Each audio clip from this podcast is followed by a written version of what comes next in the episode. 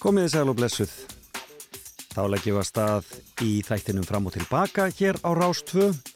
Ég heiti Felix Bergsson og ég ætla að vera með ykkur allt fram til tíu frétta. Og þessi þáttur, hann er nú doldið sérstakur í dag hjá mér því að eh, ég ætla að gera eins og ég gerir svo oft áður í byrjun januar. Ég ætla að reyfja upp síðasta ár 2022. Og ég fekk ógrinni af góðum gestum í heimsón. Frábæra gesti allt árið en um, gestir mínir í þessum þætti sem ég ætla að leiði ykkur að heyra í og reyfja upp eru frá fyrir hluta ásins flest. Fredrik Jónsson, uh, formaður BHM, Helga Braga Jónsdóttir, leikona Þorbjörg Þorlustóttir, kennari og fyrirhundandi formaður samtakana 78, Gunnar Már Sigurhundsson, eh, frangöndastjóri hjá eh, Æslander Cargo, Bryndis Björk Áskeistóttir, eh, sálfræðingur og eh, kennari við Háskólinni Reykjavík, Sunnadís Mástóttir, Ríðtöfundur, þau verða öll hérna í fyrirlutanum, svo í setni hlutanum Viktoria Hermanns, dóttir Darskogerðar Kona, eh, Theodor Skúli Sigursson, Læknir, Eh, Sjanel Björk eh, dagskrafgerða kona hér hjá okkur á Rúf Ariel Pétursson sem var formað sjómanadagsráðs og svo Magni Áskersson tónlistarmadur þetta verður fólki sem að, og það er rattir sem við heyrum í þættinum í dag. Og eh, við skulum byrja á að heyra í Þeisurunum og lag sem heitir Killer Bookie og svo byrjum við Friðrik, heyrum við í Friðrik Jónssoni Eh, og hann ætla meðal annars að tala þar um eh, einelt í MR og erfiðan mentaskóla og húmor á nýjönda áratöknum en eh, þetta kemur allt betur í ljós þegar að Friðrik byrjar að tala hér eftir lagið. Hér eru þeysar eftir. See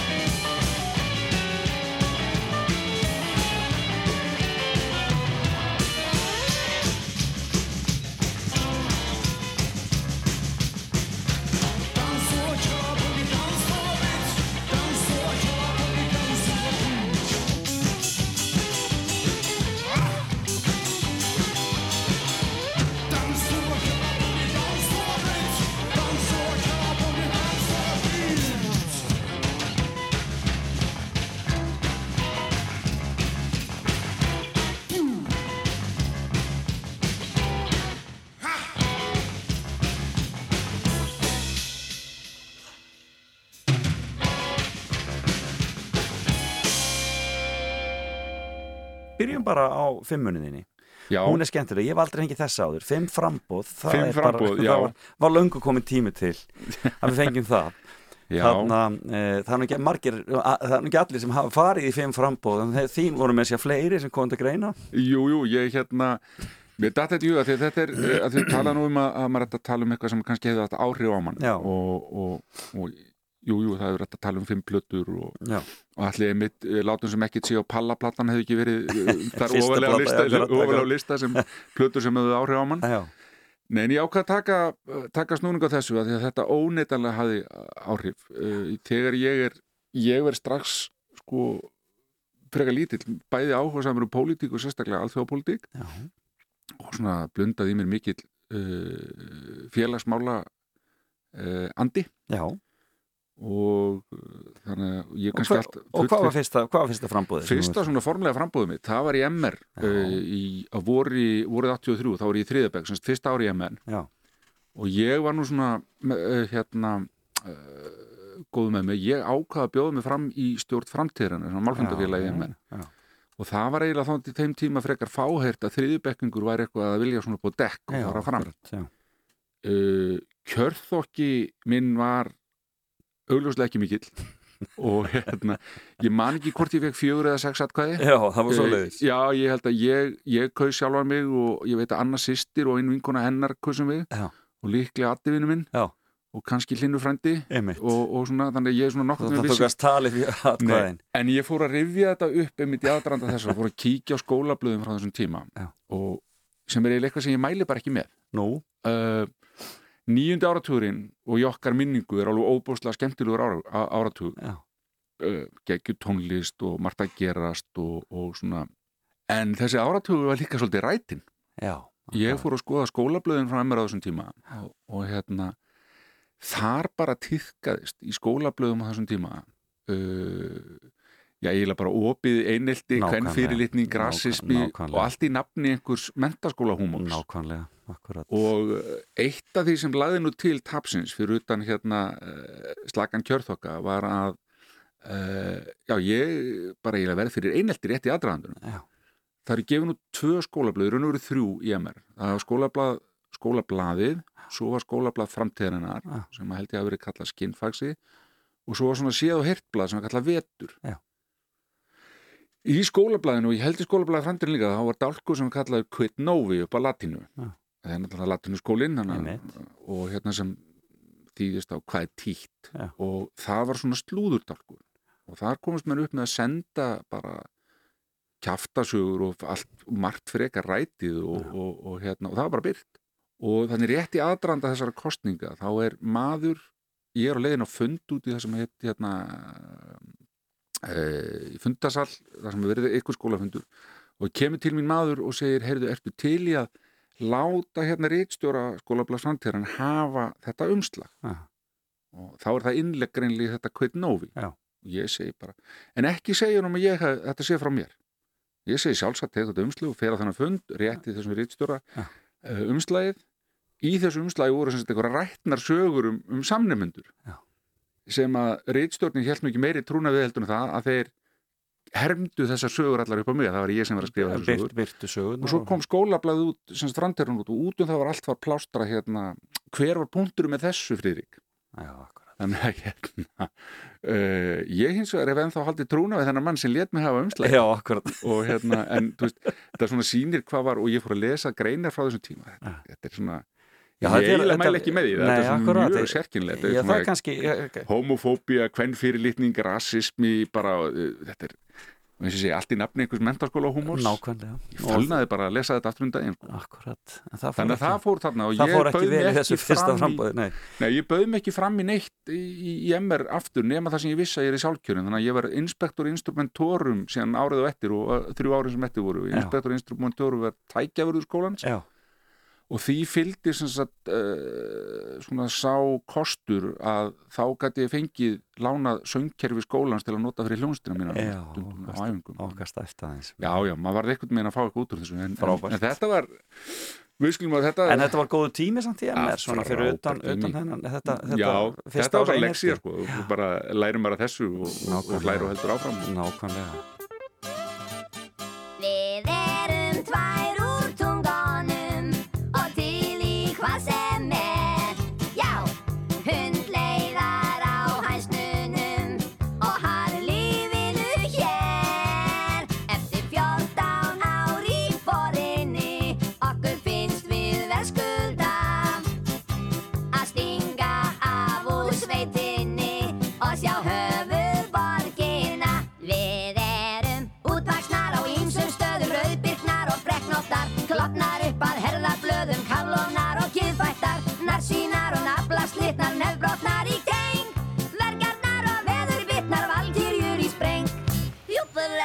Ofsalega er gaman hér. Voðalega eru sætir strákar hérna, Gunnar. Já. Ofsalega.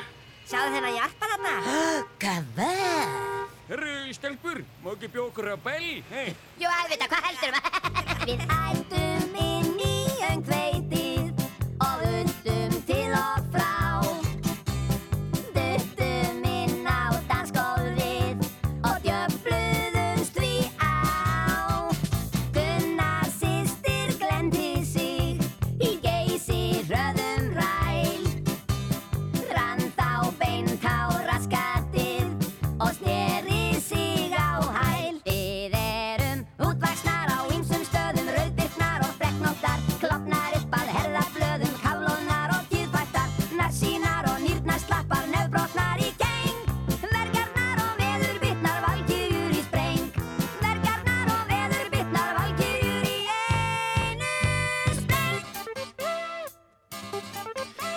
Tvær úr tungunum, þetta var, uh, voru Hallolati auðvitað og uh, þetta er nú það sem að Friðrik nefndi, hann nefndi Hallolata að vísu plötunalátum sem ekkert sé en uh, við tókum nú samt tvær úr tungunum og uh, þarna mátti heyra í Gísla Rúnari líka. En næsti viðmælendi er Helga Braga Jónsdóttir og uh, það var uh, dásanlegt að fá hana hér í janúar á síðasta ári og uh, hún var með sérstaka fimmu því að hún var með fimm lög sem tengjast fimm stöðum. Það var bara heilmikið verkefni að fara í gegnum það allt saman og við skulum grípa niður þar sem við erum stött á Hawaii. En hvað með, með, með snorklið og, og köfununa? Þú fórst alveg að kafi í það bara. Jú, jú. Eins og, eins og hægt er að segja. Já, þetta var bara rosa mikið tímabil hjá mér sko sem að ég var bara ég, it's bet, better down there, Já. skiluru þá var ég bara einhvern veginn að kafa á dýpið ég, svo held ég nú að eitthvað aðeins áfram og var eitthvað að kafa, það er langt sinni ég hef kafað Já, ég skil. Já, En oft alltaf græjur til þess og svoleiðis. Alltaf nei, ég þarf nú, að updata en, en hérna, já, já, það kemur glæði að, að, að ég e, prófa það aftur Kanski farastjórin. Þú Já, já, nýju, ég- Sem farastjóri getur þú farið að fara með fólk köfunaferðir. Algjörlega, sko. Já, ég meina, ég fór, sko, með, það er ekkert svona, það er kannski svona fimm, nei, það er komið sjö ár, þá 2015. Já. Tíminn svo fljótur að líða. Þá fóru við, sko, til Bahamas og þá, þá, þá sá ég til þess að fólkið allavega snorklaði. Já, einmitt. Þá voru ég, sko, á skemmtiferðaskipi, sem sagt, e, eins og farastjóri. Dásamlegt. Það var ekki leðilegt heldur. Því trúi ég. Því trúi ég.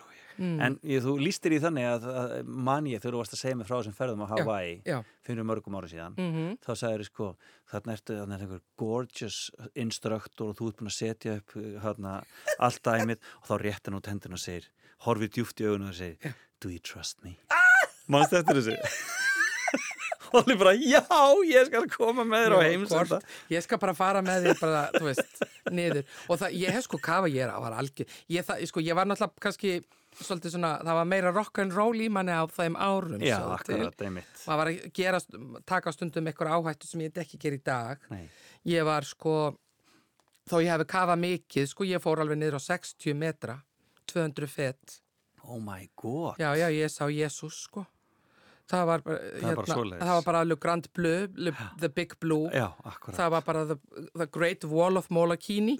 Það er bara endalöst dýpi og, og, og sko buddyinn minn, sérst, félagi minn köfunafélagi, maður fer aldrei maður fer aldrei eitt, sko, nei, nei, það er allt, þú hefur alltaf buddy og þú doppelgekkar og allt þetta. um, og hann, við, við vorum eiginlega svona búin að ákveða þetta, fara bara beint niður og, og svo vorum við reynda með köfunar úr, þá kannski maður séð sko Hvað þið voru lá? í hvað á hvaða dýpi Já. og við, hvað kom mikið nýtrökin í blóðið Já. og ég hef aldrei, það var alveg skynsemi, ég var ekki ykkur, þú veist, fliphaus eða svoleiðis, en, en hérna um, já ég, við, ákvaðum þetta og, en ég þarf þetta að gera ekki þetta aftur En var þetta ekki magnað svo? jú, jú, jú, svo var ég komin En ekki deinilókunni kendið það svo leiðis? Nei, þú, þú heilar hana þarna. Já, akkurat. Ein vinkona mín var með svolítið mikla innilökuna kent sko, það var erfiðara fyrir hana.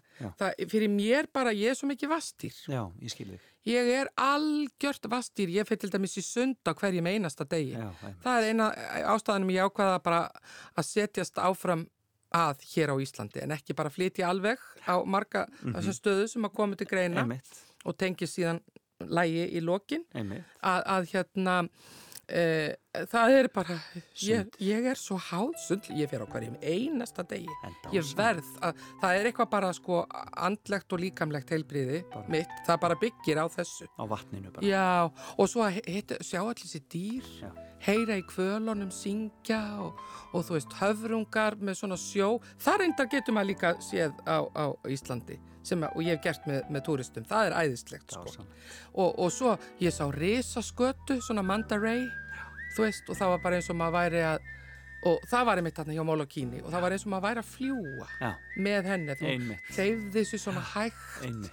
og eða þetta var bara eins og þú væri sko bara að fljúa með sko risaeðlu þú veist, þú væri bara í einhverju tímaleysi Nei, þetta er bara ekstasi ekki það að ég veit hvernig það er en mitt ekstasi svona Heyrðu það New York næst eða ekki? Billy? Joel. Já, þá er ég komið til New York Heyrðu, Já. kýlum á The Stranger. Já,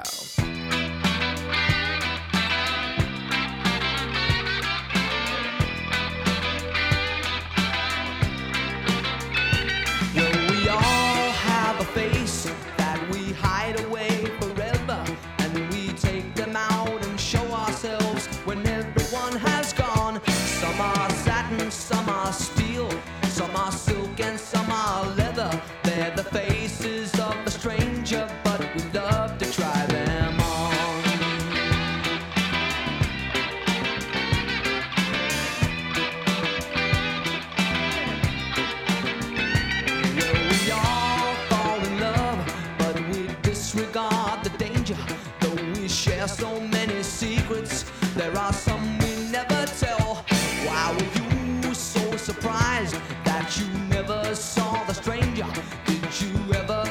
your lover see the stranger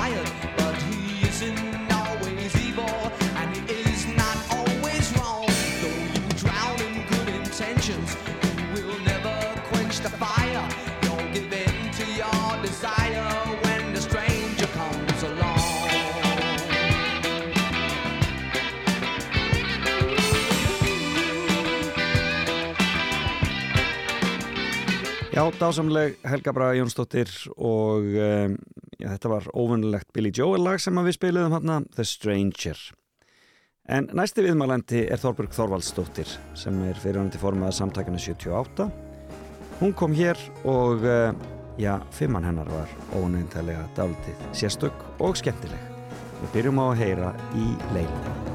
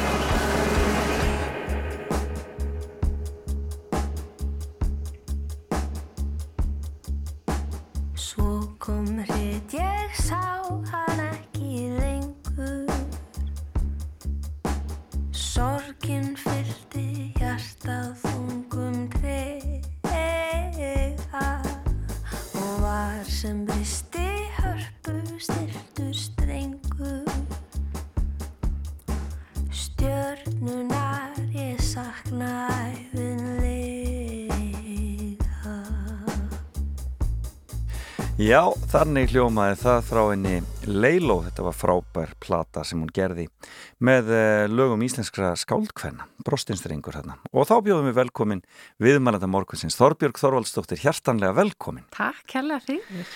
Og uh, uh, já, þú ert morgumanniska, sagður mér, með lítil börn. Já, ég er morgunmanniski að það er ekki, ekki val. ég er nefnilega algjör er Ef ég fæ lausan tauminn þá er ég vakandi fram eftir nótti og sofandi fram eftir mótni. Já, ég skil. En, hérna, en það er ekki, ekki annað í búið en að vakna upp úr sex. Með dætrónum. Já, Já. það eru tvekja og, og fimm ára og eru miklu morgun hann. Já, það er flott maður. Gott að, gott að það eru morgun hannar. Já, þetta er ágætt. Þetta er yfir með að staða allavega. Það er yfir það stað. Já. Já, já, tveggja og fimm ára, það er mikið fyrir á heimilinu þá. Já, Og þeir eru búin að vera í einangrun og sótkvi alveg svoleiðis út í hið óendanlega. já, yngri dóttur mér losnaði gær, Já, já. komst loksins á leikskólan, hún var svo hammingisum. Dásamlegt. Já, þetta var yndislegt. Já. Maður er þakkláttur fyrir frelsi, ég get allavega alveg. En þetta er líf ungbarna fjölskylduna þessa dagana og barna fjölskylduna almennt. Jú, akkurat, þessi dóminó líka Já, akkurat, að veikist einn af öðrum og, og alltaf lengist akkurat. sótkvíin og einangrunin. Við býðum kærlega að heilsa öllum sem eru hatt núti og eru í þeirri aðstöðu við þeir eigið samúð okkar allra en þetta, þetta gengur yfir. Þetta klárast. Kári segir apríl. Sagði hann ekki líka uppálega að þetta er því tveggjóra? Ég sko, jú. Hann er þetta búin að segja svo margt. hann er búin að segja ansi margt, hann er alveg hægt að finna ímislegt sem sagt hefur verið en eh, ég heyrði þetta alveg innan úr úr heilbrískerfinu að tvö ár væri svona uh, þumarputtaregla í svona pandemik í svona, Ok, mista áhugavert já. Heyrðu gaman að sjá þig og hver er nú fimmann þín Þorbjörg? Svona bara beint, svo rjúkum Já. beintin í það Ok, sko, fimmann mín mm. er, eru svona draumar eða störf Já, sem að ég enda á að fylgja, þessast draumar sem ég ákvaða að fylgja ekki. já, ok Eða, eða einhvern veginn, já, urðu ekki. Já, Já. en byrjum bara á fyrsta draumin sem þú fylgdir ekki Já, ok. Það er skemmtilegt Það var hérna svona gegnum gangandi þema eiginlega bara frá því ég, ég er kannski svona 6-7 ára á og Mhm. alveg þangað til, já ég veit ekki alveg hvenar ég hérna, gafst upp á þessum eða ákvaða að hann var ekki fyrir mig en svona kannski 14 ára og, hann, og það er samt svona útrúlega fyndið að þetta býr alveg ennþá í mér. Já, uh, það er það, mér langaði alltaf að verða fordlega fræðingur já, og, og mér fannst þetta svo uh, og finnst þetta svo áhugavert fag og svo skemmtilegt. Já og var algjörlega hilluð af svona af gamla tímanum og, og þær bækur sem ég var að lesa sem krakki voru mikið til svona, þú veist, einhverja sögur sem að gerast í sveit í gamla daga, sossubækurnar og, uh, og eitthvað svona og, og var alltaf eitthvað svona róta í, hérna, í mölinu fyrir þann skólan að finna eitthvað sem væri gamalt og, fannst þetta alveg ótrúlega spennandi. Já, og svo held ég að hafi líka haft áhrif á þetta að hérna, ég bjó í, í kjarmóum í Garðabæ og þar fyrir, fyrir ofan var verið að grafa upp gamla Hofstaðabæin bara fyrir utan tónlistaskóla Garðabæ já þannig að þú hérna- fylgdist með fordlega uppkvæft Já, ég sá fordlega uppgröft og það var samt sko eftir að ég var búin að ákveða eða þú veist, eftir að, eftir að þetta var orðin draumur hjá mér. Þannig Já. að það var einhvern veginn algjörlega fáralegt að þetta skildi Og varstu þá eitthvað vasast í, kringum það og fylgjast með og svona? Já, ég var aðeins, að- fara þarna og, og spyrjast fyrir og, og spjalla og, og, og svo leiðis og það hérna var náttúrulega bara, og, og já ótrúlega spennandi fyrir maður að sjá. Já, ég held að þetta sé ótrúlega, ég held að þetta sé miklu algengra en maður heldur. Krakkar hafa áhuga á, svona alltaf komið þarna komið þarna kvikmyndin eins og Indiana Jones og eitthvað svona sem að svona, svona eru, þú veist, aðeins að, að, að kveikja, en það er, þetta er eitthvað í manneskjunni að finna eitthvað. Já, og, því held að sé þessi tenging líka við fortíðina. Nákvæmlega. og þessi svona, þessi sammannlegi hlutur einhvern veginn að, reyna að setja sig í spór fólk sem að bjófi allt aðrar aðstæður. Já, er samt á sama stað. Þetta er eitthvað svo, hérna þetta er alveg pínu magnað. Já.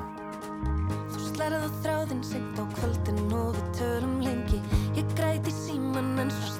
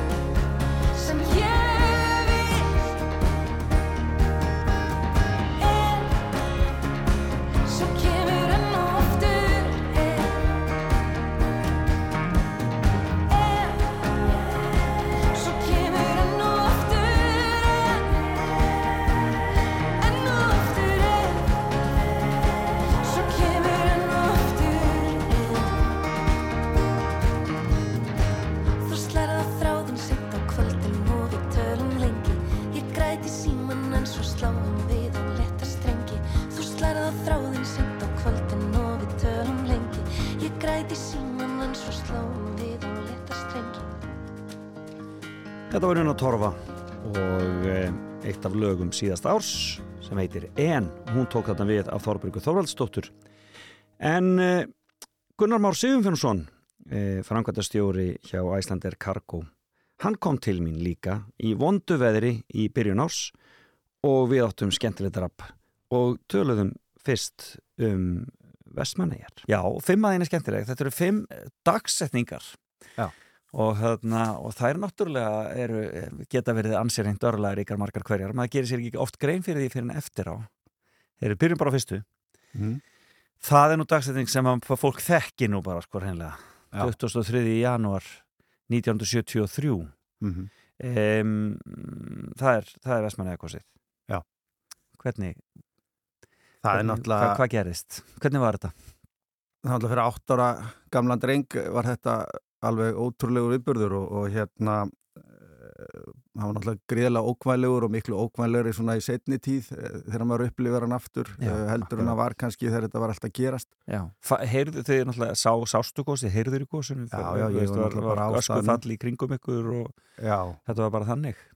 já, og, og þetta, já, já, þetta var svona eh, óhugnalegt af mörguleiti þetta var náttúrulega alveg sko yfir náttúrulega áhrifaríkt og þeir sem að fóru upp á geldinga eða hérna upp í Grindavík eða geldinga hérna Dali eða hvað þeir sem sáu það að þeir hafa talað um áhrifin. Uh, ég fór þangað reyndar eftir til dæla mikið tildal frá konu ég var ekkert spenntur að fara einhvern veginn eru svona gós fyrir mig ekkert svona ekki það mest spennandi. Nei, og að því þetta hefur haft auðvitað áhrif Að þau sá og mörgum fannst það tilkom mikið og sem það vissulega var og ég var mjög heillegar þegar ég sá það í svona saklausu ljósi þarna en þegar þú situr og ert í raun og veru á flóta undan, undan hérna örljónum eða náttúrunni Já.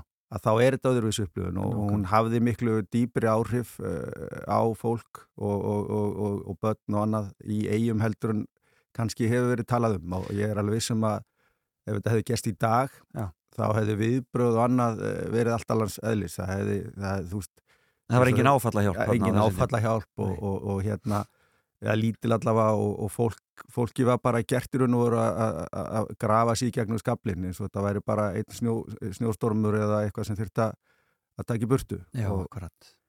og það auðvitað eh, kannski hefur líka kent manni eða þú veist, eh, já eins og bara við sáum kynnslóðna sem að hérna þegar maður var að horfa verbúðunum um daginn þá var auðvitað margt spauðilegt eh, þar í gangi og maður brostir yfir, yfir tíbónum sem voru þar en, en eh, það líka hinliðin á teininum er að að í þessari kynslu var fólk sem var ótrúlega duglegt Já. og tóka sér það verkefni eins og í Vestmanni um að, að bara hreinlega neita að gefast upp Eh, og Bara tókst- hreinsa bæin og endurbyggja. og- Já, ekki nóg með það, þeir ákvæðu að fara að slökka í gósinu með, með, með dælum og annað sem verður þetta hérna galin hugmyndamanni finnst Já.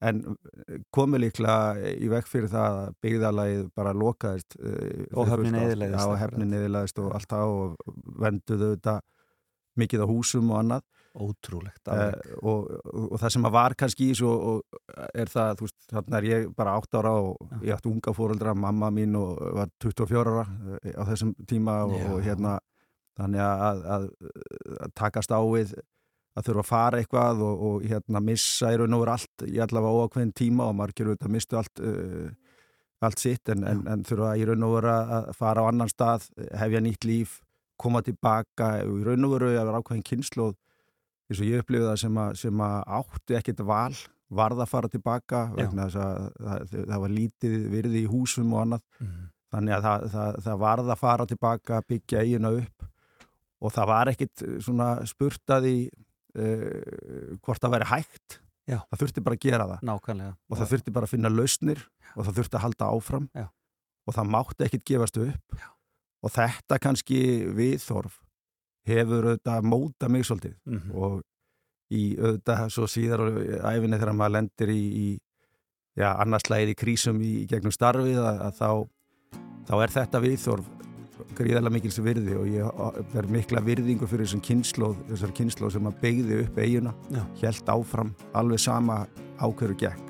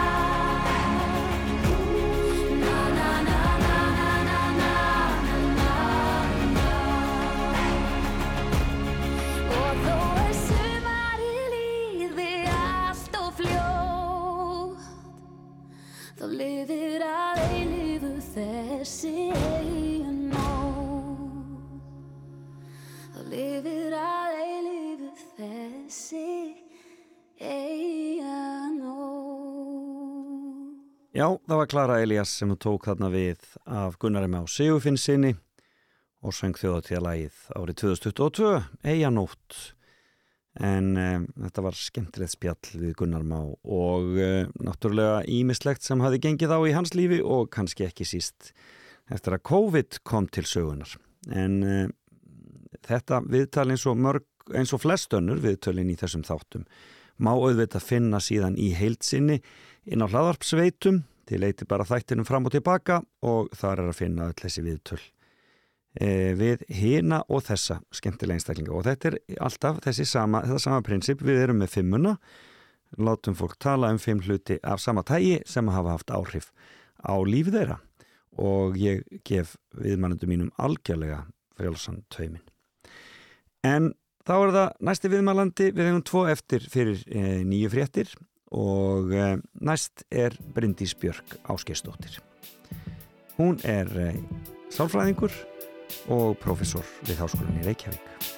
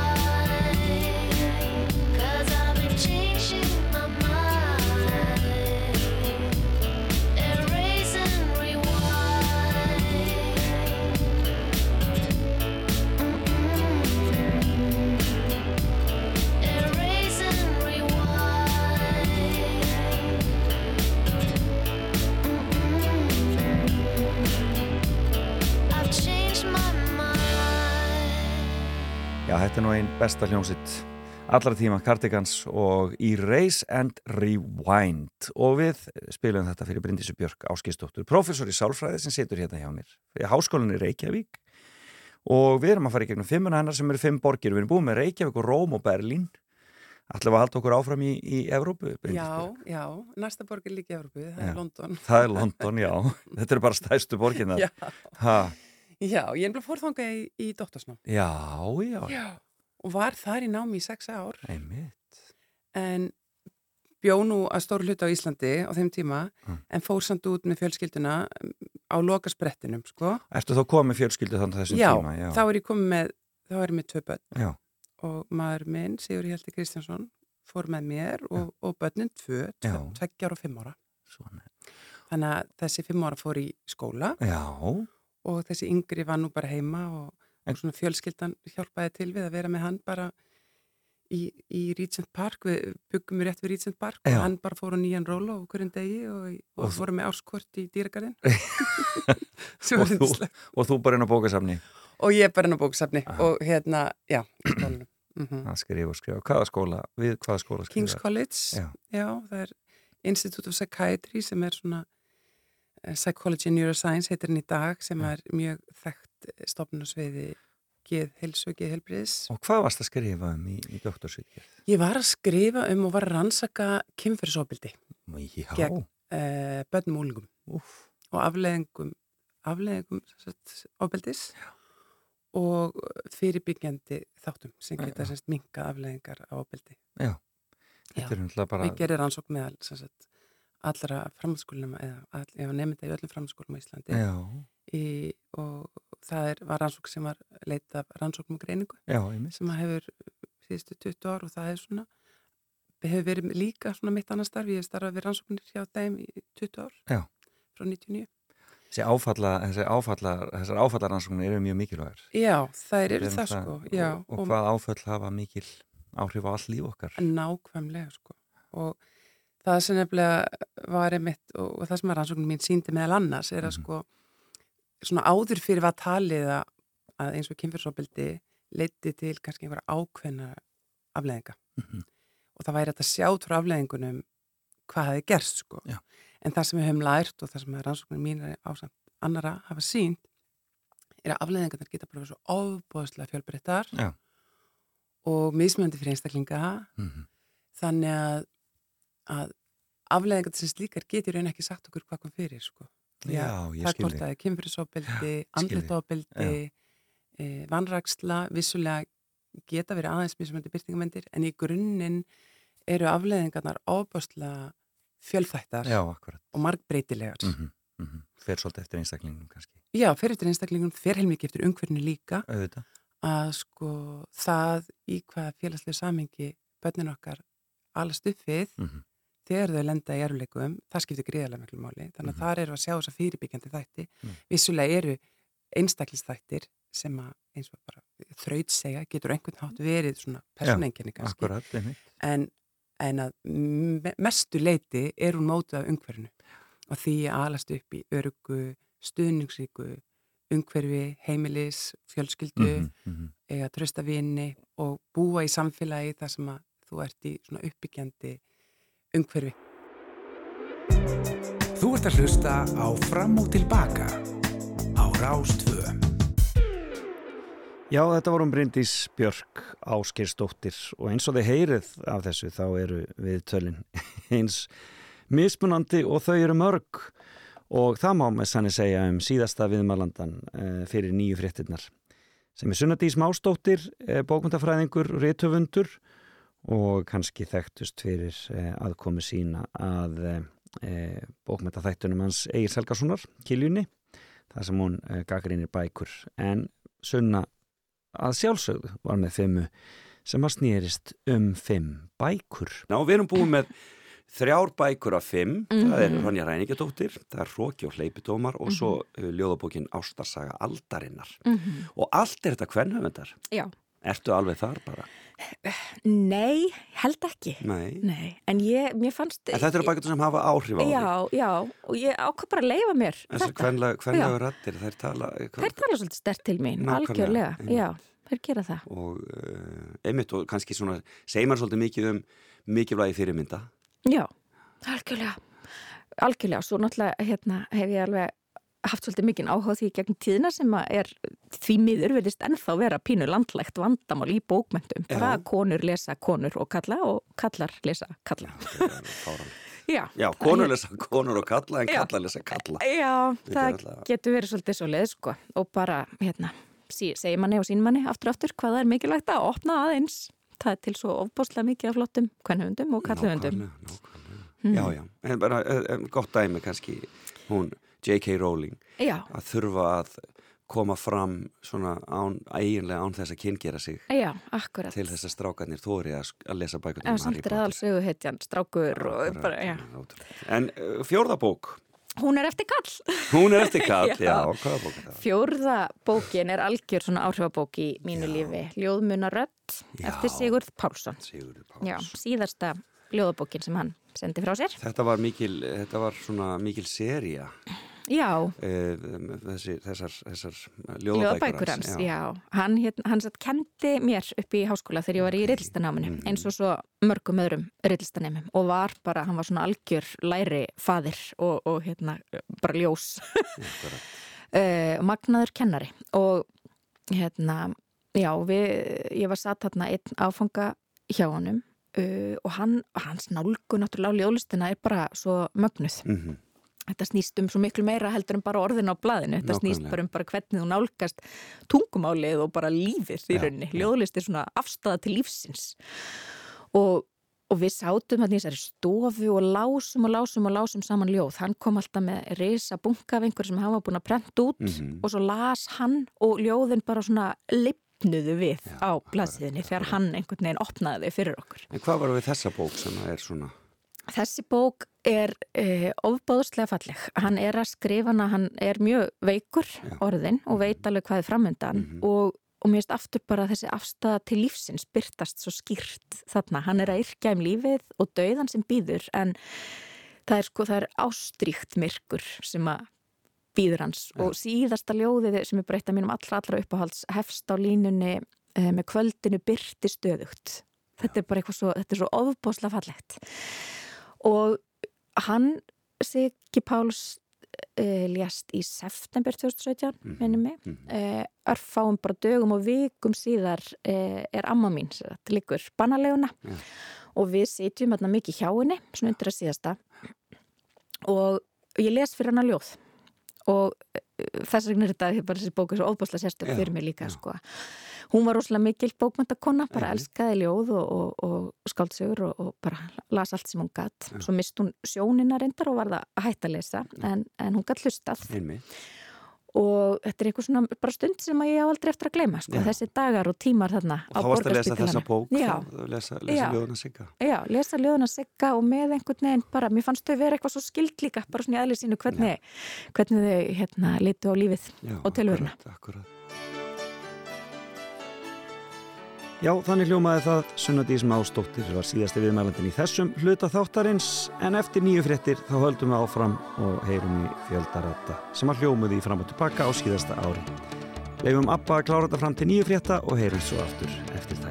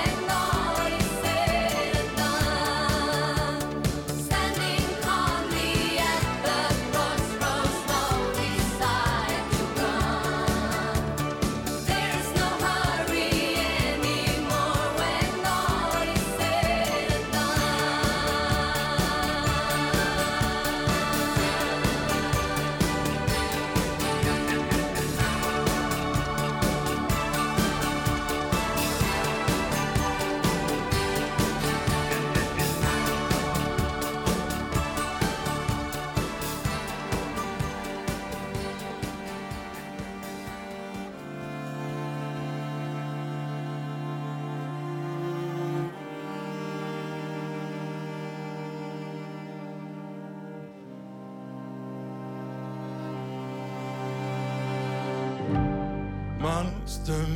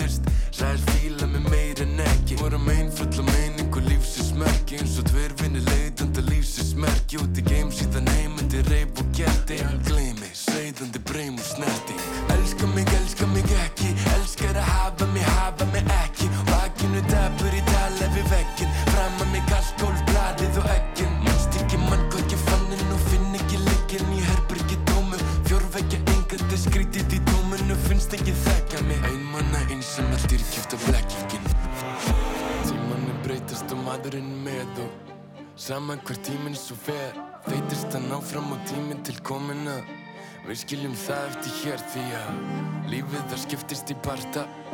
Sólinn og myrkri svarta Bögdra á fingur, fimm steinum skarta. Regnbó stjarna og ferill til hjarta. Manstu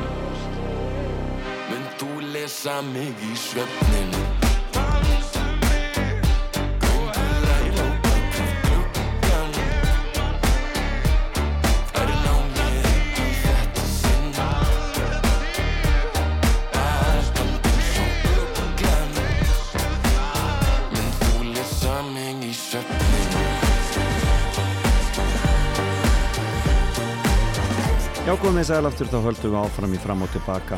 Og þetta er nú eitt alflottasta lagið frá síðasta ári. Það heitir Herbergið og uh, þetta er Jói P. og uh, Valdimar Guðmundsson á ferðin en uh, þið eru að hlusta já og fram og tilbaka og þetta er upprifun á þáttur frá síðasta ári. Og ég er búin að uh, vera með fjöldan allan röttum hér í fyrirrötta þáttarins og það verður ekkert öðruvísi hér í síðar hlutunum Við ætlum að byrja hér eftir smá stund, uh, fáum að heyra í Theodor Skúla Sigursinni uh, lækni sem hefur verið mikið í framlínunni uh, undanfarið fyrir lækna á spítulunum og svo eftir hálf þá er það Sjannil Björk Sturldudóttir, Ariel Pétursson, fórum að sjómanadagsráðs og svo Magni Áskesson tónlistamæður. En við ætlum að byrja á Viktorju Hermannsdóttur og hún kom í stórskemmtilegt spjall til mín í sumar já, í mæ raunar. Uh, og um, uh, við rættum um fimm vinnur sem hún hefur unni í gegnum tíðina. Og þetta spjall leitt okkur víða en þetta byrjaði svona. Hlustum á Becca og Eyva og svo förum við að spjalla við Viktorja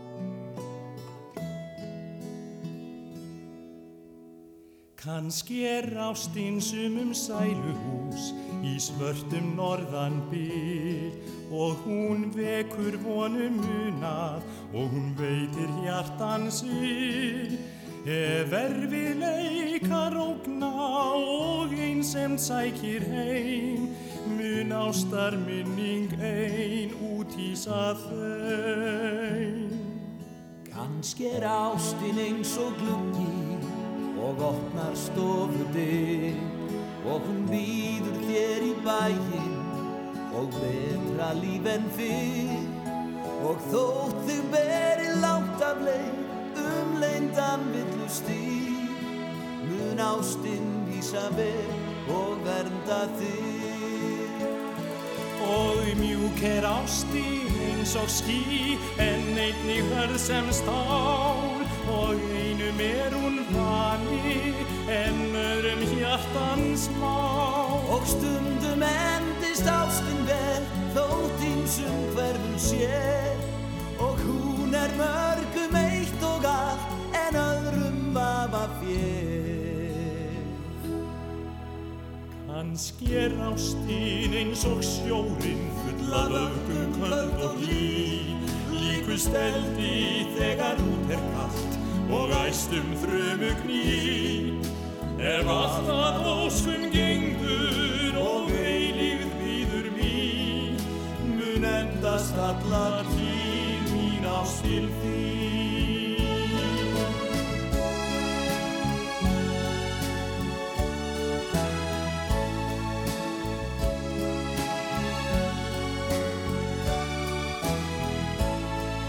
Og stundum endist ástin vel þótt ímsum hverfur sjö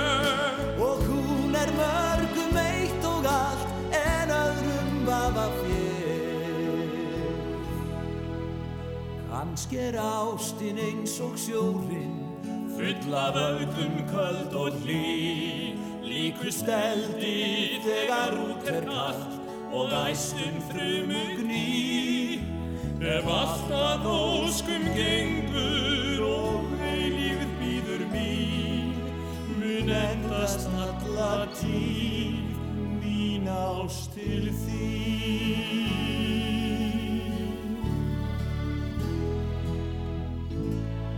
Já, þetta voru Bergþór Pálsson og Egilur Kristjánsson og uh, þeirra útgáfi þessu gamla John Denver lægi uh, Kanski er ástinn og þetta er lag uh, og val viðmælandar mín sem situr hér á móti mér Viktoria Hermannsdóttir, hjartanlega velkomin. Takk hérlega fyrir, gaman að fá- koma. Já, gaman að fá því svona hinum með við borðið. Þú við að vera að spyrja spurningana Einmitt. uh, En þetta lag uh, þú sagði mér að þetta væri miklu uppáhaldi. Já, ég, við sóli bara elskum þetta lag sko og það, við spilum þetta mjög oft. Og þetta er eiginlega svona lagi okkar sko. Þetta verður, við, við sko við verðum að fá það í brúköpu okkar. Já. hvenær sem það svo verður. Og þá sungið það þeim félagum frekar en já. ykkur tveimur. Já, já, já, saman. Nei. Sólin geti sungið það, ég geti ekki, ég er algjörlega laglus Já. en þeir, finnst þessu útgáfa svo flott. Bergþóratn einhvern veginn og þetta er svo ólíka rattir og, og textið til pappans, Pál Bergþórs. Já, einmitt, ég vissi það ekki. Nei, hann, samtið, hann, hann er hagur kallinn Já, einmitt. Þetta er skemmtilegt en dásanlegt, en velkomin Takk fyrir e, það, er, það er alltaf nóg að gera í þínu bekk e, hvað, Já. er að, hvað er að frétta þessa dagana? Þessa dagana er, já, ég var að flytja Já. og ég var að klára lokaverkanum mitt í háskólanum. Nú býtu, ertu búin að í háskólanámi? Ég er búin að vera svona með vinnu. Ég, Ok. er búin að, ég tók diplóma í hagnetri menningamölum fyrir nokkrum árum Ok. og svo einhvern tímann raki augunni það ég þyrti bara nokkra áfanga til viðbóta til þess að Verður komið master Já, þannig ég hef verið svona að taka einn og einn áfanga hér og þar og svo hef ég verið að íta lokaverkanum undan mér. Frábært. En svo ákvað ég að, sagt, ég er búin að vera að gera heimildamind líka, en svo er ég alltaf að vinna svo mikið og eignar spötna og eitthvað svona, en ég er alltaf með þetta svona, sko, til hlýðar, Já. þannig ég nýtti fæðingarólöfið, ég að klára heimildamindina Frábært. og meistarverkefnið, með því að skrifa um heimildamindina. Brilja. Þannig ég saminaði þetta tvent. Já, býtu, hvaða heimildamind er það?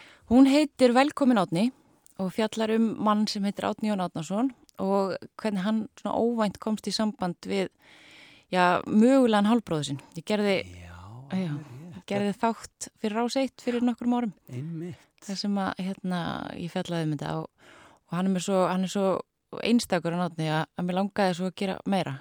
Þannig að við fylgdum honum út og gerðum bara mynd.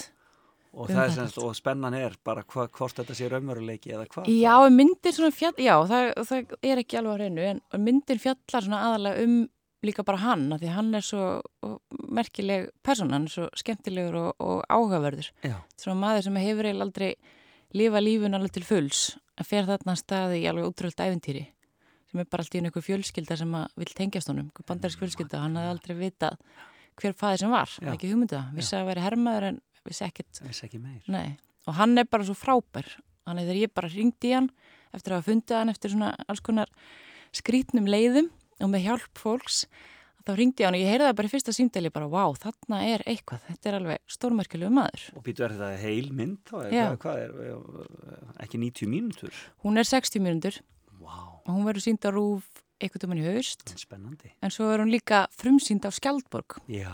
Hún er um kvítarsan helgina. Já, já, já, þannig að þetta er bara alltaf að gerast. Já, þetta er mjög spennandi. Ég kann Þannig- ekki á hana heimildum myndi bara Og þannig að myndin í rauninni er bara grunnurinn að síðan lokaverkefniðinu.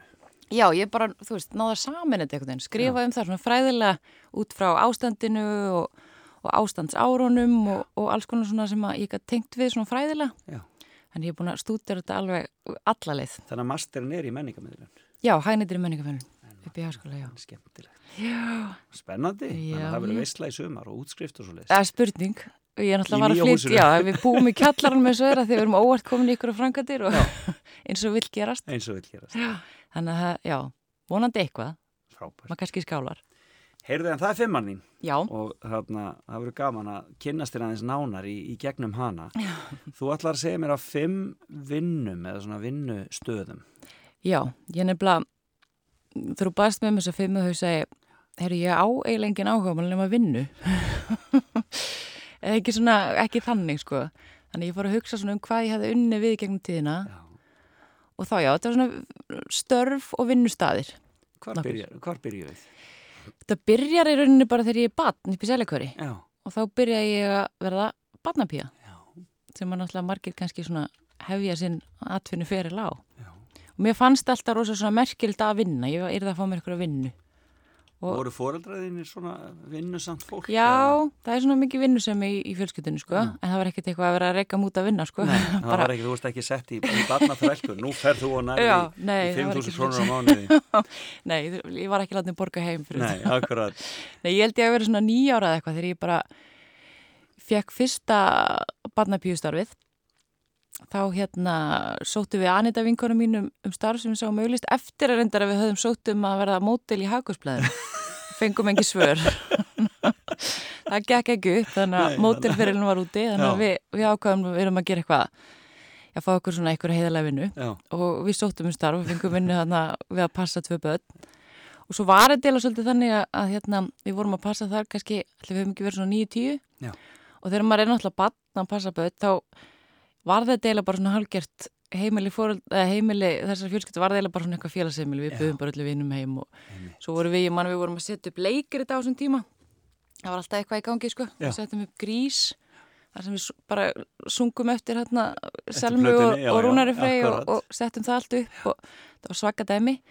Og ég man að við vorum bara að ráða í hlutverk og, og æfa á svona oft Á meðan voruð hún að pass- já, passa við alltaf ekki við gætum ekki sleppt vinnuskildunni fólk var bara bóðað heim þannig að ég efast um að fóröldina hafi vitað þessu reyndar en Já. hérna, þau vitað það núna. Þið náðu að taka til svona eftir. Já, já, og svo vatt þetta svona upp á sig og við fórum, ma maður var farin að passa bara út um allt. Já, hérna. Já, og við vorum veist, maður var bara meira að minna að sjá um bara nokkur heimili þarna upp í Selja hverfi. Já, hérna hér. Og það var bara alveg fram á unglingsár þá. Já, og ég man við, sko, maður var oft, við vorum, ég var að passa mikið fyrir, sko, nokkra konur sem byggu saman Já. og unnur rosa mikið, unnur rosa mikið. Þannig stundu var maður kannski að mæta bara nýja á mótnanum helgar og með barni bara fram á kvöld. Það var bara svo var Og kannski 10-11 ára. Já.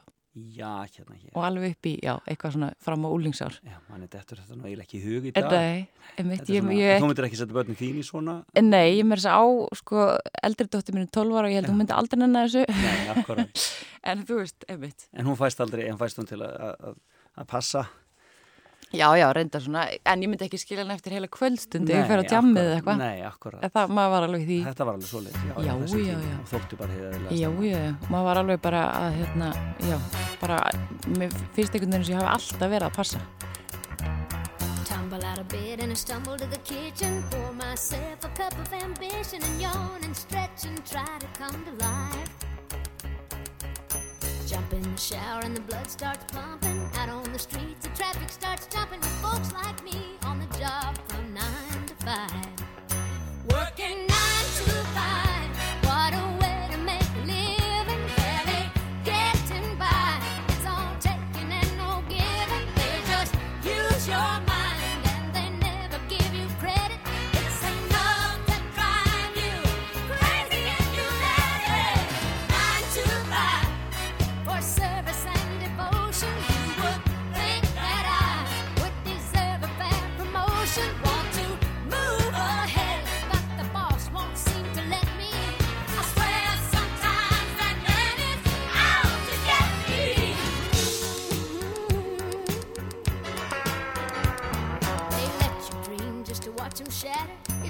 step on the boss man's ladder, but you got dreams he'll never take away.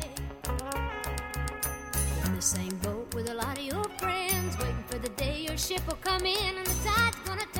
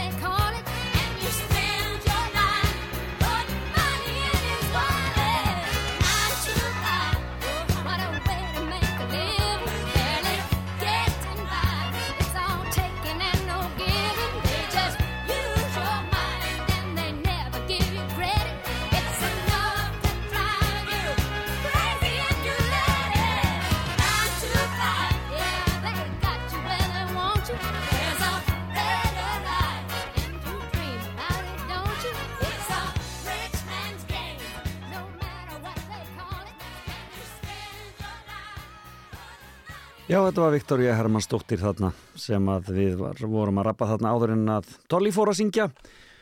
Og um, já, þetta var skemmtilegt. Og þetta kom ímislegt við sögu til dæmis heimildarmyndin Velkomin Árni sem ég bara mæli með að fólk sjáu eindreigið og svo rættu við aðeins um uh, Sóla en þau áttu síðan eftir að gifta sig síðar á árinu. Það var nú ekki komið í ljós þarna en þau giftu sig svo í september skemmtilegt. En næsti viðmannandi hann uh, kom mér skemmtilega óvart með frábæri fimmu. Já, ég segi kannski ekki hann hafa komið á óvart því að mér líkar vel við mannin en hann heiti Theodor Skúli Sigursson og um, ég það má segja að fimman hans hafi verið alveg hreint mögnuð. Heyrðu en fimma þín er skemmtileg. Þetta eru heimili minningana Já. Í rauninni þar sem þú hefur komið við í gegnum tíðina. Algjörlega. Eða við bara að byrja á byrjunni, bara að renna okkur inn í þetta? Já, af hverju ekki? Og hva, hvað er fyrst? Heru, ég hef aldrei stigalið 63 Stigalið 63? Þetta er svo sem mann kalla sko efri stigaliðina mann skiptið efri og neðri sko hvort það eru fínu húsin eða blokkjarnar Já, ok Og ég var sem sagt, mína fyrstu minningar eru úr sem sagt efri stigaliðinni og þetta var sem sagt þannig að lendi ég í því þegar ég er bara afskaplega lítill Já. að ég á að vera að fara til dagmóður og þarna veikist á rauðum hundum Já. og þá eru góður á dýr og ég man nú sjálfur ekki eftir þessum tímapunkti akkur þarna en ég Nei. fæ ekki að heyra alltaf það sem eftir æfinar Ok. En stigalið 63 er sagt systra hús sýstu samt í fransúksystra Já. Og þar sagt voru þær í fjöldamörg ár og það var þannig að pappi hefur tengslinni í katholkasöfnin og ég er katholiki Ok. Og þegar að ég lendi þessum veikindum og þá eru góður á dýr og pappi veit ekkert hvað hann að gera við mig. Þá er ein nunna sem er, ég kalla alltaf ömmu Karolu. Já. Eh, hún er svona nýkomið til Íslands og er í að hálfgerði tilvist að kreppu hafi verið í belgisku Kongo og bjarga mannslífum ána slíkt. Mm -hmm. og hún fjakk mig bara. Og þetta var sérst í staðin fyrir að vera bara einhverju dagar eða vikur, þetta verðu ár. Ég var þarna í tvö ár. Í alvöru? og svo þarna Bara inn á þessu barnaheimili? Já, þetta, ég var bara einn. Inn á ég, þessu ég og allar sex sýsturnar sko. En makalust og þarna, þetta sem svona hefur mótað mér sennilega allar mína æfi sko. Að vera þarna með sex ömmur í kringum sig. Já. Og svo var það þannig að alla dagar sem voru einhvers konar vinnudagar eða frídagar og annað, bara fram eftir æfinni þá er ég alltaf settur inn í stíðli 63 sko.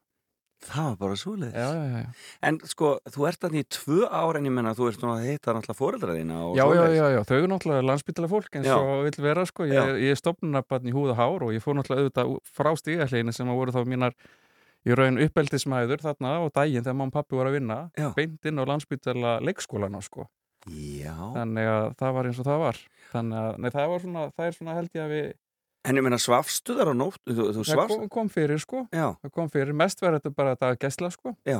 en, en ég fekk að vera þar bara eins og þurfti Og einn með þessum sex Já. Sex nunnum Já, og þetta var, minningarnar er alveg ótrúlega mikla frá þessu húsi. Þetta er reysflett einbýlishús á þremur pöllum Já. og í kjallaranum vistavörðuna voru á miðhæðinni, stofan voru á efstuhæðinni, en í kjallaranum var kapillan.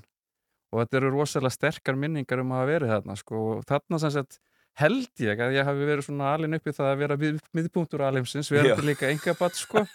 þannig að það var ekki á það bætandi Já, þú varst engabatni. Já, ég var engabat fóreldrar minna á eldri hálsískinni okay. en, þarna, en, en þarna var þið einhvern veginn uppeldislega þetta voruð þannig og, og það er fræg saga og ég fekk þetta ofta að heyra þessa sögu frá sístrunum sko. Það var, þarna var náttúrulega hollenska og, og belgiska eða flæmska og ég var vist varin að, að, að kunna ágætla þessi tungumál sem lítið barn og skilja þeirra frasa En, en stundum tók ég mig til svona þegar mér fannst ég ekki vera nógu mikill miðpunktur alheimsins sko, þá Já. byrtist ég vist á golfinu og spurði hver væri eiginlega að passa mig. Að þarna... Á flæmsku. Já, á flæmsku sko og, og sýsturna rifið þetta mikið upp sko. Það var sungið og það var hann máltíðir og annað. Þetta, þetta situr rosalega í mér allir þessi tími og uppeldi. Veitu, hvað ertu gamall þarna á þessum tíma? Ég er bara nokkra mána þegar ég fer til þeirra fyrst Já. og svo er, fer ég á leikskóla landsbytalans tveggja ára. Að þú, en, þú, en þú samt einhvern veginn, það er einhverja minningar frá Já, þessum sko, tíma? minningarnar eru mjög skýrar. Ég til með saltu eftir þegar Riksvöðan fór í gang og ég, var eina sem ég óttaðist og þá fengu það fríða því þá hverf ég baku gertuðunar. Já, akkurat. En, en ég mjög, þessi tími er mjög minnistæður og, og pappi held alltaf rosalega tengsl og ég held tengsl við sýsturnar og hef alla leiði gennum lífið og þangað til að það er svo sett yfirká Ísland. Já. En voru þær alltaf þarna í stigalíð? Þeir voru sko með sýstur á sér stigalíð en þeirra kjarni var í raun klausti í stikisólmi. Já, þetta eru þær. Þetta er í rauninni það, þarna. Akkurat, og þar var ég á og til og ég fór til dæmis í sumardvöl eh, í Stikisólum fjagur ára í mánu þegar fóreldra mínu þurfti að vinna sumari þannig að þarna kom Yeah, alveg upp í sjálfstæðið og, og svo síðan meir að þá var, fór ég alltaf á og til í Stikisólum og svo endaði þetta þannig að á þeim tímanpunkti þegar ég var þarna um tvítugt að reyna að koma mér inn í læknisræðina að þá flutti ég mig um set og fór bara í hólminn og var þar bara í tvö sumur. Að lesa bara. að lesa og vinna á spítalanum sem gangastúlka og Já. þrýfa klósett og bítipústama Já. en alltaf hjá sýstrunum í sýstrahúsinu og þar voru allt í orðina tíu sýsturnar þannig að tíu ömmur sem ég borðaði alltaf kvöldmátt og hátegismátt með og, og, og svona, mér fannst ég þá vera dálítið að endurgelda pössunina í gamla daga Já. þá voru þær orðna gamlar hrumar og þú gæst og þá gæti ég fara að hjálpa þeim Já. so enchanting in every way. It's everlasting every day. Sweet obsession, rose bouquets.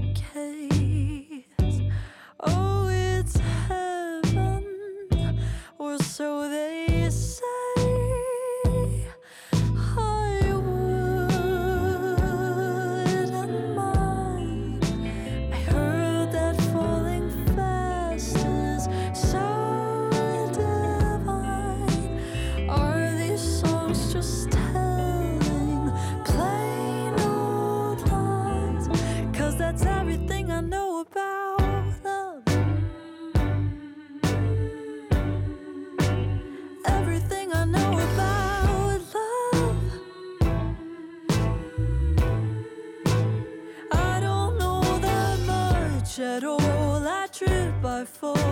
Every time I try, it's all too much.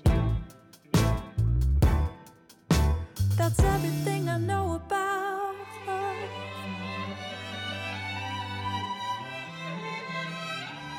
Captivating angel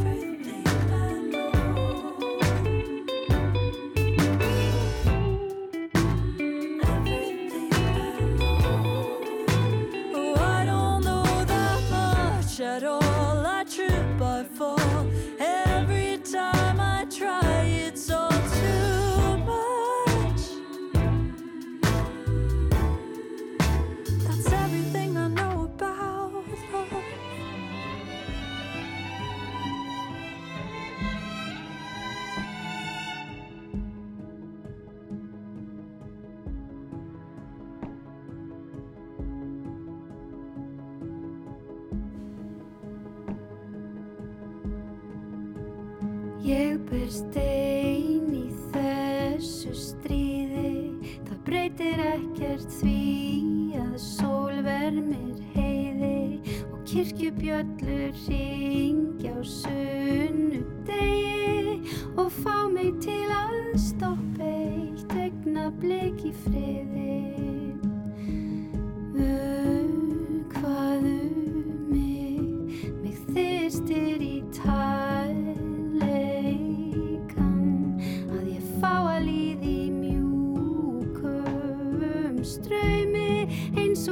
og pilsfaldur í sumargólu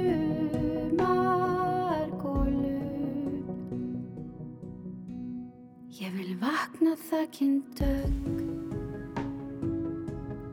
sem leipir sólargull í stein sem situr þungur í maga mér sem fastast ljósið fær hann til að kristallast endur speklar hlýjum um mig allan. Inn í fingur góma. Þér vil ég þjóna. En kötturinn vill inn og klórar glugga karma og karmað vinnur alltaf allt og alla. Af hverju býr hjartað ekki í höfu kúpu og heilin kvílist við? Sefandi lungu þá myndir rigna yfir heilan. Ástar hjúpur og kæla þetta sviðna hugar ángur og ég vil að þú vitir að hefði ég haft vitið hefði ég dansað við þig bara. Ég ringsólast í törum og skuggasælu til ég veltist um í tjörum og hvítum fjörum. Og mér heyrist eitthvert greið vera að öskra en öskrin hljóma svo kunulega vatnið sýnir speil mynd mína. Og andlit mitt það virðist vera að rifna. Og kötturinn vill inn og klórar glugga karma og karmað vinnur alltaf allt og alla af hverju býr hjartað ekki í höfu kúpu og heilin kvílist við? Sefandi lungu þá myndir rigna yfir heilan ástar hjúpur og kæla þetta sviðna hugar ángur og ég vil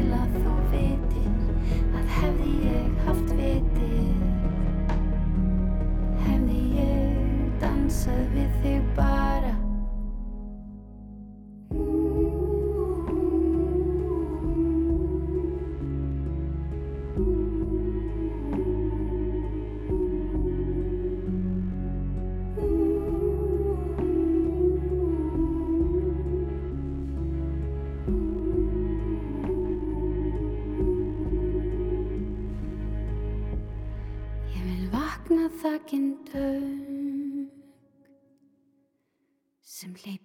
hleypir sólargulli inn. Evelina Torrini og Marketa er Glófa og Valgeir Sigursson þarna og titillagið úr leiksýningunni Vertu Úlfur. En áfram með smjörið, við viljum heyra fleiri rattir og næst á dagskrá er hún Sjanel Björk Sturldóttir sem hefur ekki mikla aðtekli í kastljósunni hjá okkur hér. Eh, við áttum skemmtilegt spjall eh, í eh, júni í sumar.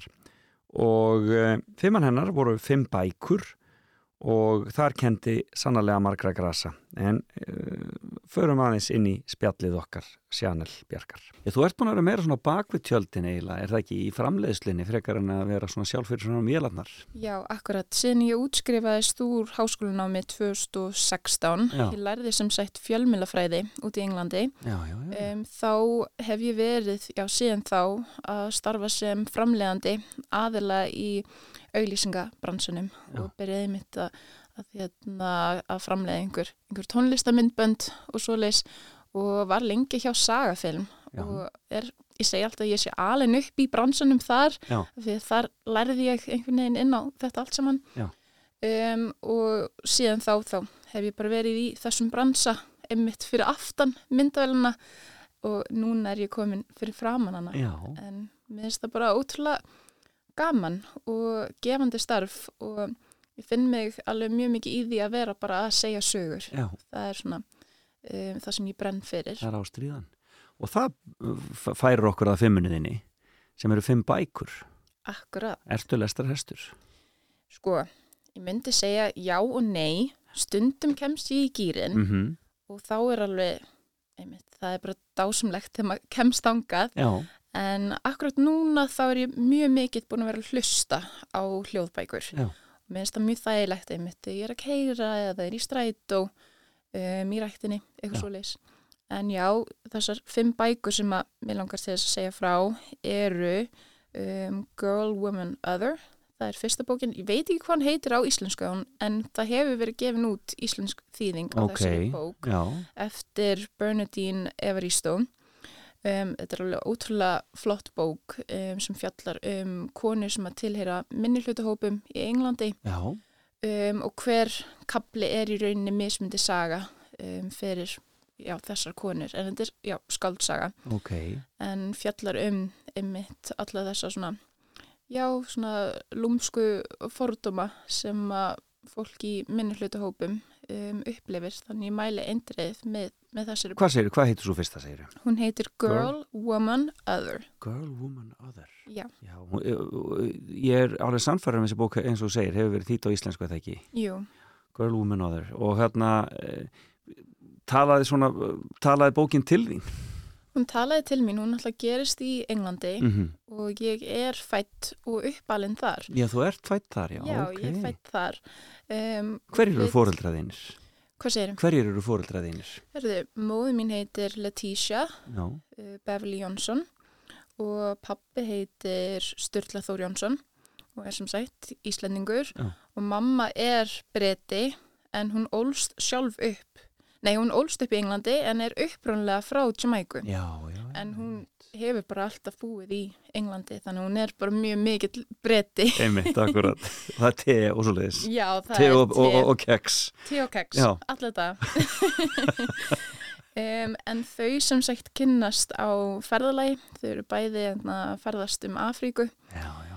Um, svona bakboka ferðalagi og eftir það þá fletju þau til Englands og, og fara í nám um, þar saman og, og eiga mig þannig 94 Já, já, já. Og, og ég hérna ég svo, svo fletju við fjölskyldan heim til Ísland sem pappi var einmitt í alveg hvað var það, 13-15 ár að sannfæra mömmum Já, að flytja til að reyna að prófa þetta kalda land hérna. Já, hún náttúrulega kom oft í heimsókn með honum sko, meðan að þau voru að kynnast en, en hérna, hann gæti ekki hugsa sér einmitt að flytja hingað alveg strax. Nei, en já, við flytjum hingað 2004 en mamma er núna flytt aftur út til Englands, þannig hún er þar. Já, ok. Ég um, fer oft í þangað þú var náttúrulega í námi þar og svona Einmitt, þú fóst þarna. En uh, segðu mér aðeins meira þessari bók. Þetta eru, þetta eru, þetta eru ólíkar sögur hvenna sem allar eiga þá þetta sameinlegt að, að vera af, uh, af erlendum uppruna í bresku samfélagi eða hvað. Nákvæmlega, þær hérna tilheyra þessum, þessum svona e- etnísku minnuhlutahópum í Bretlandi og já, í rauninni hver saga svona, svona fer í gegnum um, ákveð svona tímabeli í lífinu þeirra og það koma einmitt í mig svona atviku upp þar sem að við sjáum hvernig um, þessir minnirhlutuhópar verða fyrir ákveðnum svona fordómu, fordómum eða hindrunum í lífinu út af uppruna eða bakgrunn þeirra Já, akkurat. og þetta er einmitt líka eitthvað sem við erum kannski bara nýbyrja að skoða aðeins hér á Íslandi Nákvæmlega. Já, þetta var Sjanir Björk Sturludóttir og þarna að segja okkur frá henni frábæru bók Bernardín Evar, Evaristó uh, sem að heitir á íslensku uh, Stúlka kona annað. Og uh, hún kom fram á Æsland Noir bókmyndaháttíðin síðan síðar þetta ár og frábært viðtal við hana í kiljunni hjá honum Agli Helga sinni en gaman að heyri Sjanil Björk og nú tekur Annín Lennox við og þegar hún er búinn þá ætlum við að heyra Jónum Ariel Pétursinni sem er formaður sjómanadagsráðs og hann hafði nú aldeilis sögu að segja.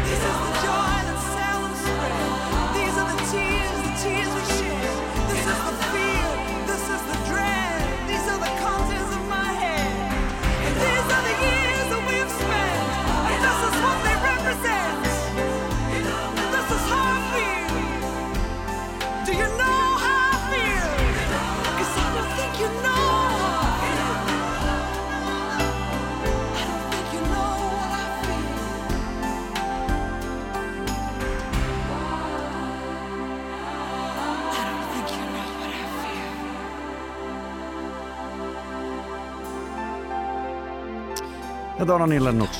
En næstur er Ariel Pétursson sem er kornungur formaður sjómanadagsráðs. Hanna hefur stórmerkilega sög að segja hóf fiðlunám þegar hann var kornungur og tónlistin spilar stóran sess í lífans en svo fór hann allt aðra leið. Við skulum heyra uh, hluta af fimminu hans sem voru fimm ákvarðanir og við tökum niður þar sem hann ákveður að fara í skiptinám. En ég ákvæmst að fara sem skiptinum til Rústlands. Já. Og ef við leggjum sko allt til hliðar sem að það er hérna þá uh, það er hörmungar sem að eru núna í gangi í Rúslandi þá, þá á þessum tíma 2004 ferið til Rúslands þá var það, þessi ákvörðun hún var, hún mótaði mig ansi eh, mikið Hvar Uh, varstu þá í, í landinu? Ég var mjög heppin Mhm. og óheppin Nú. með lendingastað. Nú. Ég að sjálfsögðu sá fyrir mér að ég myndi uh, vera í henni sko vestrænu og klassísku borg Santi Pétursborg og sótti sérstaklega um það en mér á útluta sem sagt fórstu fjölskyldu í Nisni Novgorod ég sé á svipnum á þér að þú ert jafn hissa á allir aðri sem ég nefni borgina við það er fymta stærsta borg Rúslands Ok. hétt áður Gorki fyrir, fyrir hérna Hrunnsávitríkjana Mhm. og er eh, hétt Holmgarður í, í vikingatali en uh, Nisni Novgorod er mjög sovjesk borg uh, og rosalega rústnesk Hvar í landinu er hún? hún er svona, hún er bara inn í miðjulandi fjö- Já. 400 km á norðurstur af Moskvu Já. Og uh, það, ég segi sko óheppin að hafa ekki farið til Petersborgar en heppin að hafa lent þarna vegna þess að e, þessi borg er mjög lokuð. Var, það var tölver hergagnaframleysla í Nisni Novgorod Mhm. sem gerir það að verkum að e, blöndun við e, og, og túristaströymur og blöndun við útlendinga var ekki neinn þannig að ég bara neittist til þess að læra rúsnesku frá degi eitt þannig að ég læriði þarna rúsnesku og ég læriði fyrst og fremst líka að standa á einn fótum og vera ekki sko þetta er rosalega góð og heilbri leið til þess að sparka fugglum eða sko ungum úr hreðrinu Hreiðrinu, akkurat, já. að fara sem skiptinemar 17 ára. Já. Inn í miðju mið, mið, Rúslandi. inn í miðju Rúslandi Skemmtilegt. þannig að þetta breykaði Og hvernig var fjölskyldan? Hvernig var fjölskyldan sem þú varst hjá þar? Var, varstu hjá sömu fjölskyldan allan tíman? Nei, ég þurfti nú reyndar að skipta uh, fyrir fjölskyldan var hérna var hérna, þar var uh, geðpríðin ekki upp á marga fiska uh, hjá, hjá hérna fjölskylduföðunum. Þannig að ég fekk uh, inn hjá annari fjölskyldu sem var svona alveg klassísk líka þess tíma hérna rúsnesk fjölskylda. Fæðurinn mann á sólarhingsvöktum í, í hérna í versmiðu svo þegar hann klukkaði sig úr vinnunni þá, þá byrjaði hann á, á vodkaflöskunni og kom heim og, og hérna held áfram með flöskunni að þetta var indælis fólk og um, þó að kallinn hafi verið svolítið gefin fyrir sopan þá var hann alveg stórkostlega eða var stórgóðu við mig Já. og uh, við sátum þarna gerðnan og hlustuðum á það sem að honum fannst vera mest framandi tónlistar uh, hvað maður að segja, tónlistamenn sem að hann vissum það voru bítlarnir hann átti bítlana á, á þannig geisladiskum bara alla plötunar Árið 2004. Já. Já, svona á að gera þetta sko. Þetta og, og rúsneska sko, ja, hérna, þessi ákvörðum að fara til Rúslands eh, hefur líka haft þau áhrif setna meira, ég hef fengið eh, tölver tækifæri út af rúsnesku kunnátuna já, já, eh, að því að ég svona, hef verið að starfa í sjáarúti meir og minna já frá því ég steg fyrst öldunum og komum að því á eftir en, en þá, þá hef ég fengið tölver tækifæri út á rúsnesku kunnáttu sem er ágætlega eftir sótt í sjáarútvegi Já, akkurat. Kannski tengst störfuðinum í Danmörku þó líka, eitthvað. Já, það, það, var, það sakaði ekki að ég kynni hérna tungumál um, uh, þeirra þjóða sem er réttlæti tilvist NATO. Já, akkurat. Óverinn, óvinnarinn, sem út í það er farið. E, þriðja ákvörðunin. Þannig ertu Já. búin að fara í skiptinám og ert, ert komin í MR, Já. en þú varst nú ekki alveg viss með það, var það nokkuð? Nei, ég hérna uh, á svona vini sem að uh, grínast er oft með að ef maður á svona vini þá þarf maður ekki óvini. Þeir, þeir kalla mig sem sagt college dropout sem maður fór í herin um, koma hernum á eftir en, en, en sem sagt uh, ég var í mennskólum í Reykjavík fer uh, sem skiptin í Rúslands svo milli bekja eftir eitt ár eftir, kom, eftir heimkomu þá fer ég minn fyrsta túr á sjó. Já, já. það er þessi ákvörðunum að ákvörðunum að fara á sjóin Já. og hún kemur í kjölfar þess að ég, ég á eldri bróður sem að hafði verið að róa á skipum uh, samherja fyrir norðan og um, ég man ég satt uh, heima hjá honum uh, einhverja, einhverja páska já þessa páska á, fyrir þetta sumar og var að spyrja hann út í sjómennsku og hann talaði af svo mikill romantíku um, um starfið að ég gæti ekki annað heldur en sótt um, sótt um uh, starf hjá HP Granda þar sem ég byrjaði fyrsta sjó á Sturlu í HP Öðvarsinni og uh, eftir fyrsta túrin sem að ég fór sem að uh, þar sem að sko sex tíma vaktir og sex tíma frívaktir frívaktir voru ekki virtar af því að það var svo mikið fiskir í við komum þannig alveg uh, gjörsamlega vansvefta í land Þannig að það var unnið allan sólarhingin unnið allan sólarhingi meira og minna kom, þetta er eiginlega hætt í dagsand en Já. kemur hann að vans, vansvefta í, í land þremur dögur síðar eftir að hafa unnið bara í fiski og ekkert verið að sjá, slást við höfuskeppnunar eins og bróður minn talaði um að væri svo romantist sko. Og spyr hann hvað hann hafi verið að koma mér út og hann sagði, já, já, þetta er umlega málið, þú læri þetta Já. Þannig að þú gleymir, gleymir sko uh, andvöku stundunum og brælunum og því það er svo líður ein vika og þá manstu bara eftir speil, sléttum, fletinum og, og Nákvæmlega. félagskapnum um borð sem að Nákvæmlega. sjómennska snýst svo litið um. Já. Og þannig að þú bara hefur fallið alveg fyrir þessu þannig þetta fyrsta Já. sumar. Ég fjall, alveg kolfjall fyrir, fyrir sjómennsku, það það er hérna þetta er skemmtilegur uh, starfsvættangur uh, það, er, það er svona ákveðin um, hvað mér þess að liðsheild sem að er sem að er þannig borð sem að ég fór kannski að misfið þannig í einmitt. en hérna eh, það er rosalega góður starfsandi heilt yfir á öllum skipum sem ég hef verið á og, og, eh, og þetta er svona sambland heilbritt samband þess eða heilbritt blanda þess að vinna með kollinum og í höndunum að, að, að, vera allan á tógara sko. Já, akkurat. Þannig að þú ert komin hérna á kafi þetta bara í rauninni sumarið sem þú ert 18 ára eða svoleiðis. Já, passar, 18 ára gammal og svo, svo lendi ég og það var ímislegt hérna mjög jákvætt sem að hafði mótandi áhrif á mér á, á sjó. Ég hætti til dæmis að vera matvandur. Ok. ég uh, held fram að því að ég borðaði ekki fisk til dæmis. En uh, með, með hérna með góðum kokki sem að kokkar eru ykkur hópa á sjó þá hérna þá lærði ég að hérna, vera ekki kresin. Og um, Hafði verið sjómerka í fjölskyldinu svona fyrir utan bróðin? Langafi minn. Hann var, hann var á sjó um, ekki, ekki neitt uh, steiktur á milli Ekkert í kringum því þannig leiti. Nei, og ég er náttúrulega sko eins mikið Malbyggsbarn og fyrir finnst alveg, alveg þóttekta reykvíkingur og, og hérna Og hva, í hvað hverfi ólstu þá við? ég ólst uh, var að hluta til nýri miðbæ, vestbæ Já. en lengst af í vogakverfi Já, einmitt.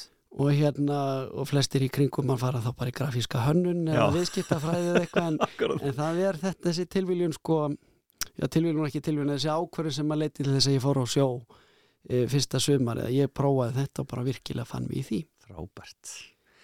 E, þetta var þriði ákvörðin. Já. Ef að taka smá pásu og hlusta á einn Kim Larsen. Kemur nú í ljós kannski betur á eftir hversin það við erum að hlusta hann. Endilega. Hér er Susan Heimund.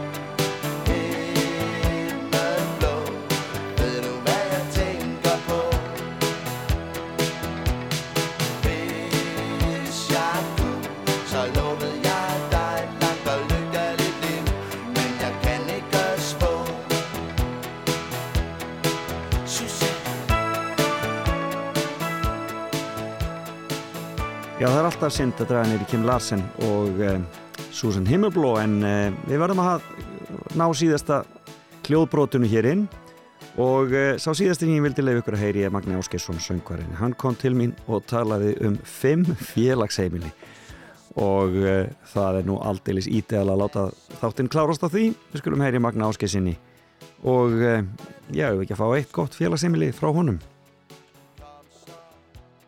Mér langar fyrst að nefna á Patrísveri Já. Því að það er alveg súrræðalíkt félagsemili Það er sennilega á finnst manni í minningunni. Það það, það er á stærð við lögatarsöllina Það er svo, svo stór salurinn. Nákvæmlega. Þetta var hérna, hérna var stórhuga fólk sem byggði félagsemili sem er það stórt að það er að haldin böll í andirinu. Og það er alveg nóg. Nákvæmlega. Og hérna, það er mér sér til fræg saga því þegar einhverju fór að spila á sjómanadeginum og voru búin að stilla upp og svo kemur Vertin Lambadinn, nei, nei, það er ekki hérna? Ha, og opnaði hurð. Bara hvaða helf þetta er salurinn.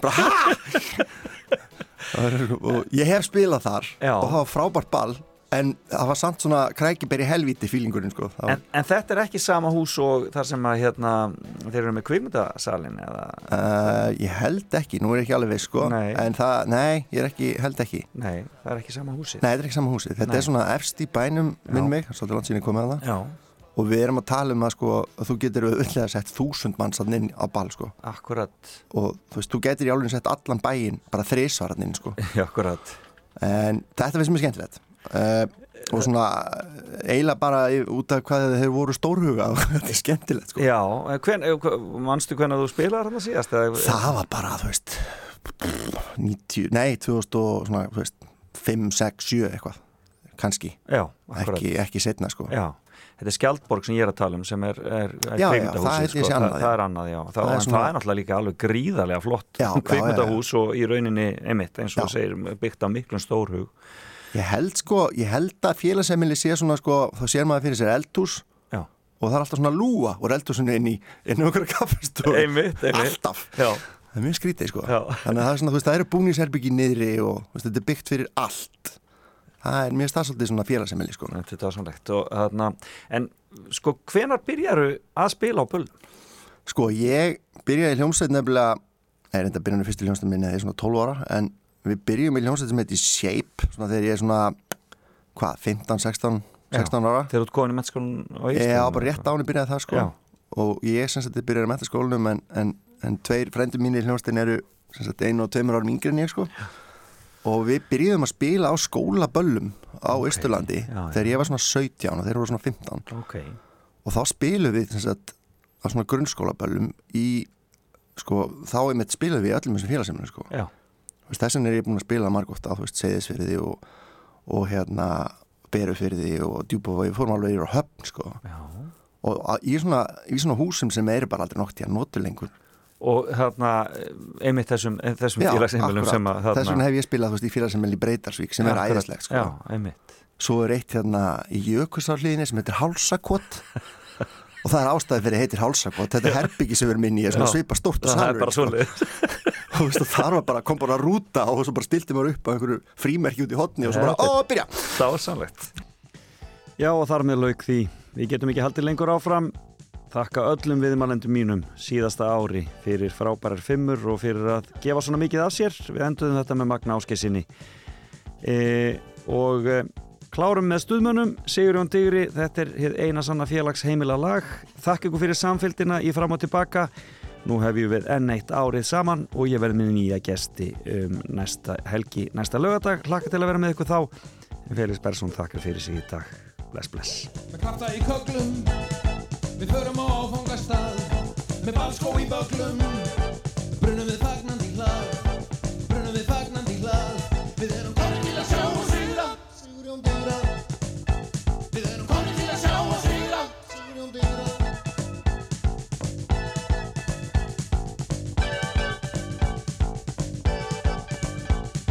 Á allas og mölle Leggjum við þrótlausa stund. Og lóðunum lyftum Límum við iðkum og sund. Límum við iðkum og sund. Við erum komin til að sjá og sigra. Sigurjón Digra Við erum komin til að sjá og sigra. Sigurjón Digra